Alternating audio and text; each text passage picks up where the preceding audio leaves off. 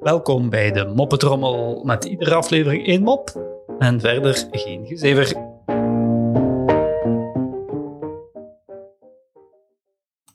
Een kapitein aan boord van een schip wordt gehaald door een bootsman. Kapitein, kapitein, kapitein, kapitein. Er komen twee piratenschepen aan. De kapitein zegt fuck en zegt kan je alsjeblieft mijn rode trui halen. De kapitein trekt zijn rode trui aan en terwijl dat het schip aangevallen wordt door de piraten, vecht hij erop los.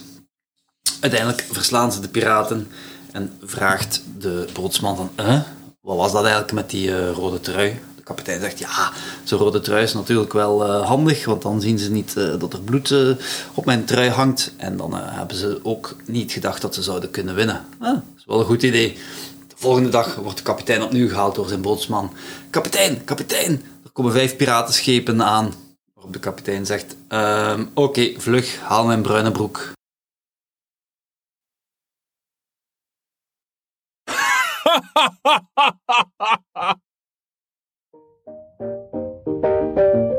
Zo, dat was de Moppetrommel voor vandaag. En tot morgen.